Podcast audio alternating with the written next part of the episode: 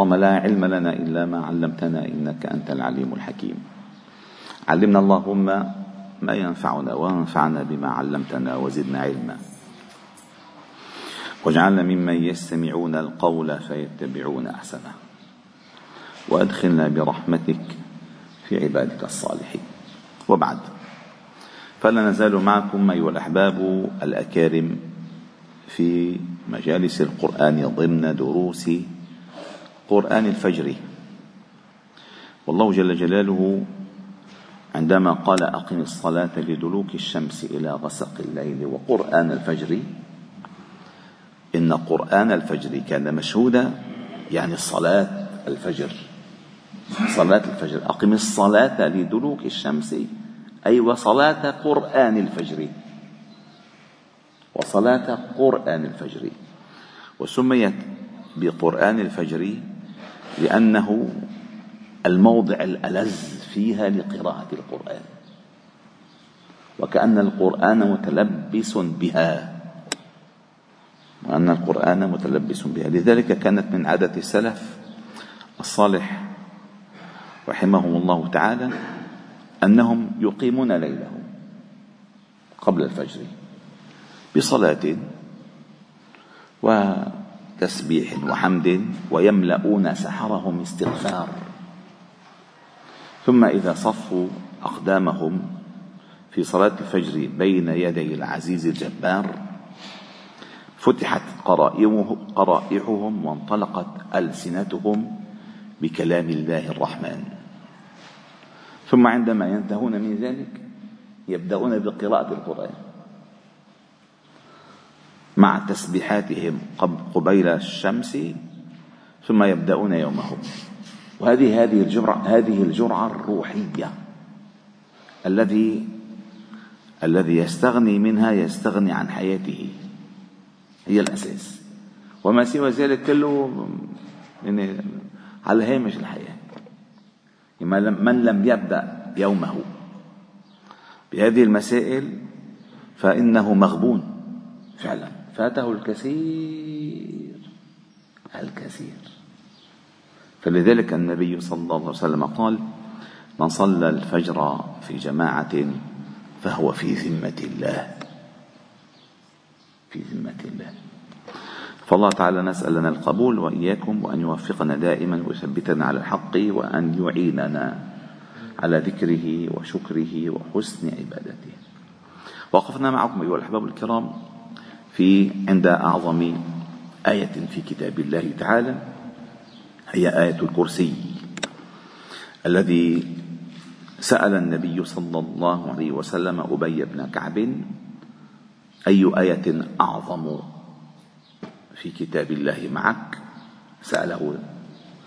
مرتين فقال الله لا إله إلا هو الحي القيوم فضرب في صدره وقال والله ليهنك العلم أبا المنذر إن لها لسانا وشفتين إن لها لسانا وشفتين تقدس الملك عند ساق العرش أي عظيمة وقلنا أن فيها آه، عشر مقاطع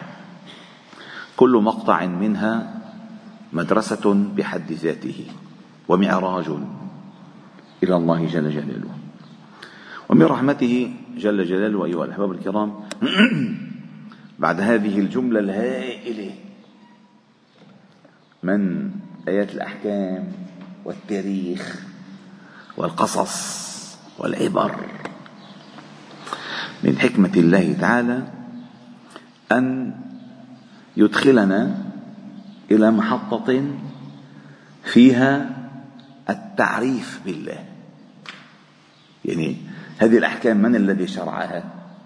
هذه الاخبار من التي قصها هذا الشرع من الذي شرعه فاجت هذه الايه في هذه في هذا المكان وكانها يقول الله لك تعرف علي من خلال ما ساقوله لك فإن أهم منهاج التعريف بالله هو كلام الله لأن الله هو الذي يتكلم مع أنه والله قاعد واحد بالليل هيك ما الله لا ما فيك لن تستطيع مهما أوتيت من قوة عقل وحدة ذهن أن تعرف عن الله ما لم يعرفك الله تعالى عن نفسه أو ما أتاك عن طريق رسله الكرام وما سوى ذلك أنت في عماء لا تعرف شيئا أبدا فهذا منهاج القرآن الكريم في تربية الإيمان في النفس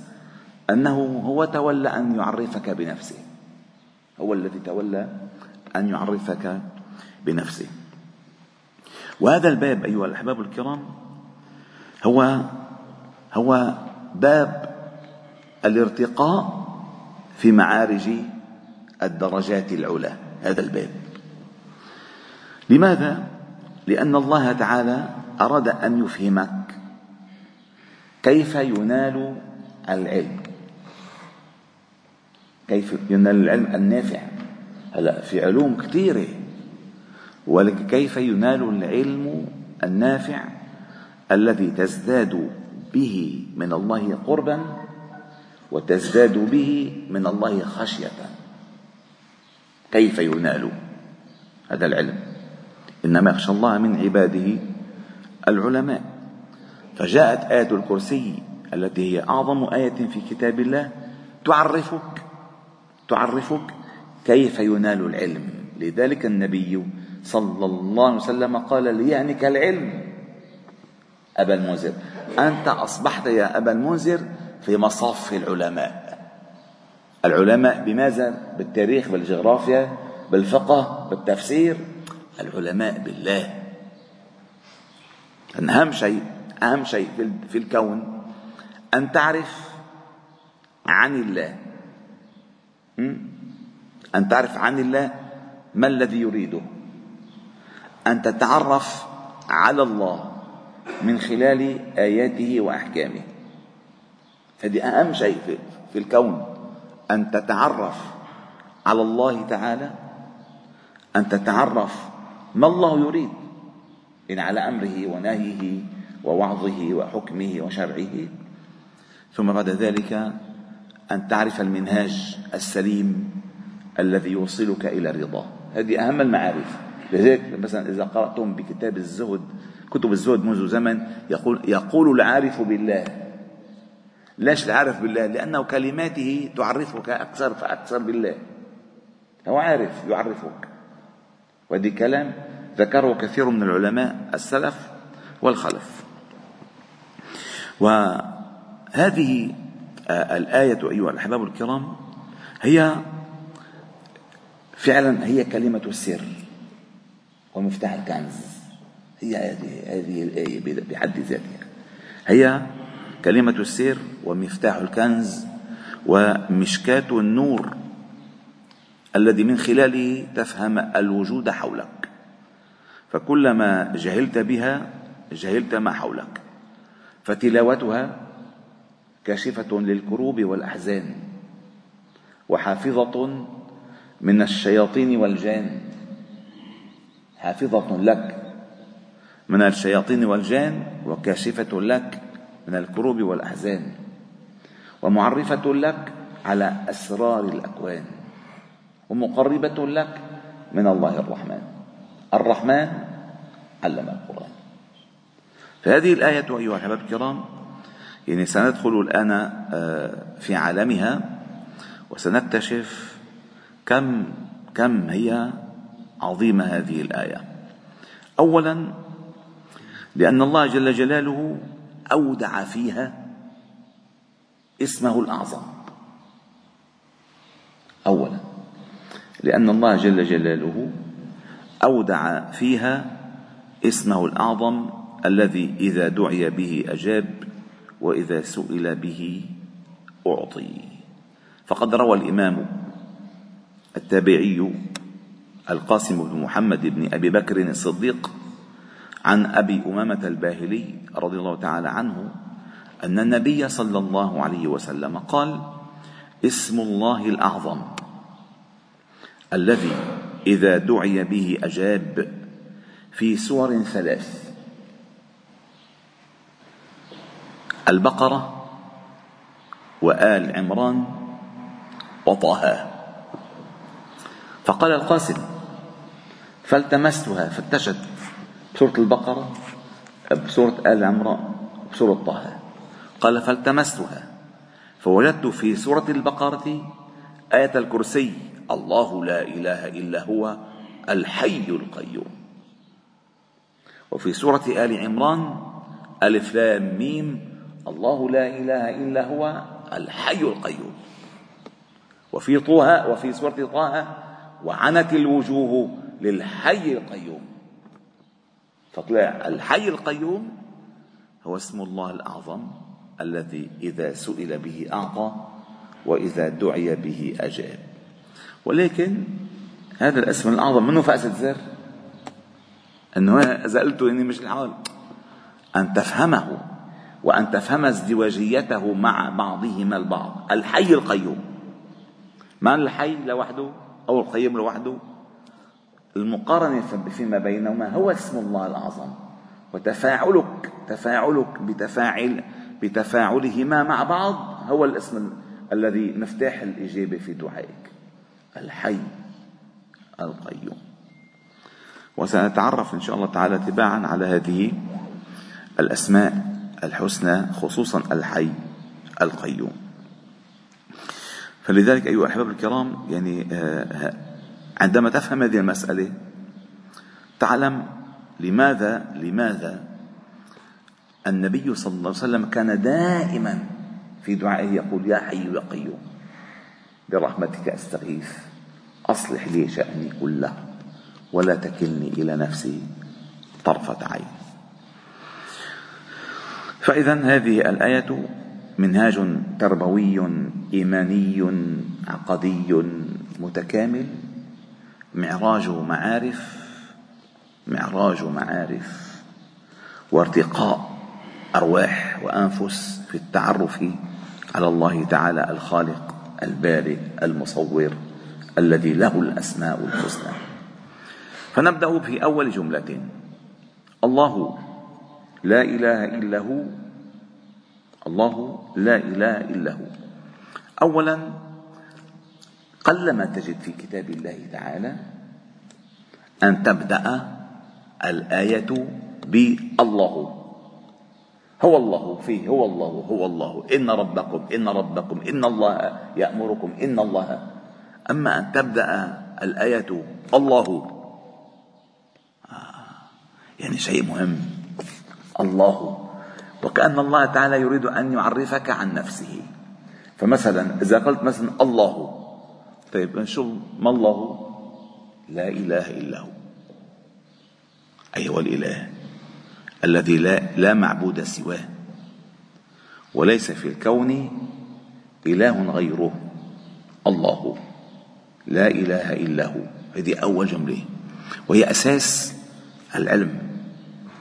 وهي التي قامت عليها السماوات والأرض وهي التي من أجلها وجدت النار والجنة والتي من أجلها تنصب الموازين ويوضع الصراط وتتطاير الصحف ومن أجلها بعث الله الأنبياء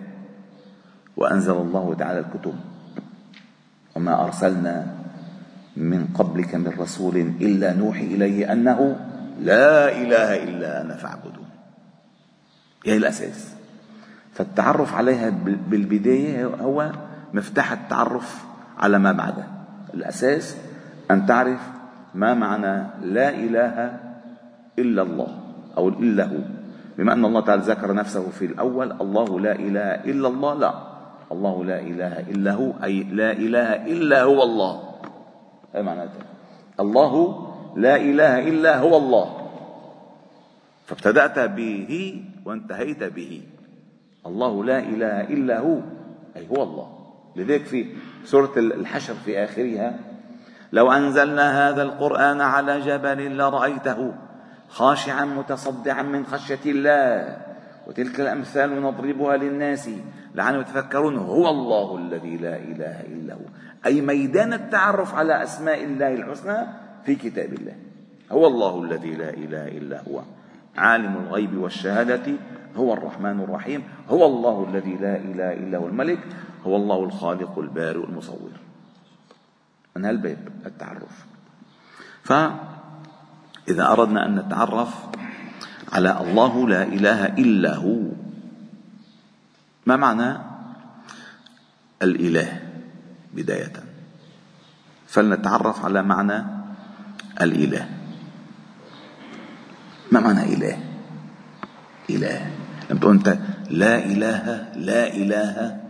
إلا الله يعني كأنك تقول الإله هو الله فقط ما في إله إلا الله أبداً إذا قلت الإله يعني الله لذلك في سورة الكهف يتعلم العقائد الأساسية إذ قاموا فقالوا ربنا رب السماوات والأرض لن ندعو من دونه إلها لقد قلنا إذا شطط هؤلاء قوم اتخذوا من دونه آلهة ما في إله إلا الله فعندما تقول لا إله إلا الله يعني تنفي كل معنى الألوهية عما سوى الله وتثبت كل معاني الألوهية لله تعالى فما معنى الإله؟ ما معنى الإله لغة؟ الإله كما في لسان العرب مأخوذ من أله يأله إذا تحير إذا تحيرت يعني والله شو هالشغلة ما عم نقدر نحيط بها عظيمة ما عم نقدر يعني نحيط بها علما فتأله فتأله العقول بالتعرف عليه تتحير العقول الله لا إله إلا هو وأصلها راجع أليها أصلها راجع إلى معاني الشوق والحنين والوجد والاستغاثه والمحبه والسكينه والتضرع ترجع الى كل هذه المعاني لذلك يقول ولهت اي لجأت ولهت إليك أي لجأت إليك فالله سبحانه وتعالى لأنه المفزع الذي يلجأ إليه في كل كرب حتى فرعون لجأ إليه وإذا مسكم الضر في البحر ضل من تدعون إلا إياه لأنه هو الإله لأنه هو الإله حتى فرعون فرعون لك حتى إبليس يوم القيامة لما بشوف هيك المسألة يرجو يرجو, يرجو الى أن يغفر له هو هو الذي يلجأ إليه وقال الإمام الفخر الرازي في كتابه مفاتح الغيب وهو من الكتب المهمة جدا في التفسير وكثرة ما فيها من العلوم هذه هذا التفسير بتنسى أنك تقرأ تفسير بياخذك لهون بيجيبك لهون كتاب كنز من الكنوز هذا الكتاب قال أله مشتق من أله الفصيل والفصيل هو ابن الناقة إذا ولع بأمه ليش الفصيل ولع بأمه آه لأنه اسمه فصيل أول ما, ما سحبوه من ضرع أمه فسموه فصيل فصل فصل عن الضرع فلما بينفصل كل ما بيجوع شو بيتذكر ضرع أمه كل ما بيشوف أمه بعيد شو بيقول بده يرضع مظبوط ولا لا وإذا ذهبت إلى المرعى وسرحت ثم عادت يخرج هذا الفصيل صوتا ملؤه الحنين والشوق والتضرع فيقال له أله الفصيل أي ولع اشتياقا لأمه ولع اشتياقا لأمه فيعني أن العباد مولعون بالتضرع إلى الله في كل أحواله لأن لولا الله ما كان شيء لولا الله ما كان شيء هل أتى على الإنسان حين من الدهر لم يكن شيئا ما يذكره فإذا لما تعرف أن الإله هو المولع به وليلجأ إليه ويتضرع إليه لمنه الخير ولولا ولولا لم يبتدئنا نحن ما كنا فإذا الأصل أن نشتاق إليه وأن نولع بالتقرب إليه هذا معنى الإله وأكيد لا يتسع المقام هلا حوالي 20 دقيقة بهالمعنى ثم إن شاء الله ننتقل درجة درجة وحقها علينا هذه الآية أن نتعرف عليها بما أن هي مفتاح التعرف على الله تعالى فكلما تعرفنا إليها أكثر تعرفنا إلى الله أكثر والحمد لله رب العالمين سبحانك وبحمدك نشهد أن لا إله إلا أنت نستغفرك ونتوب إليك وصلي وسلم وبارك على محمد وعلى آله وأصحابه أجمعين والحمد لله رب العالمين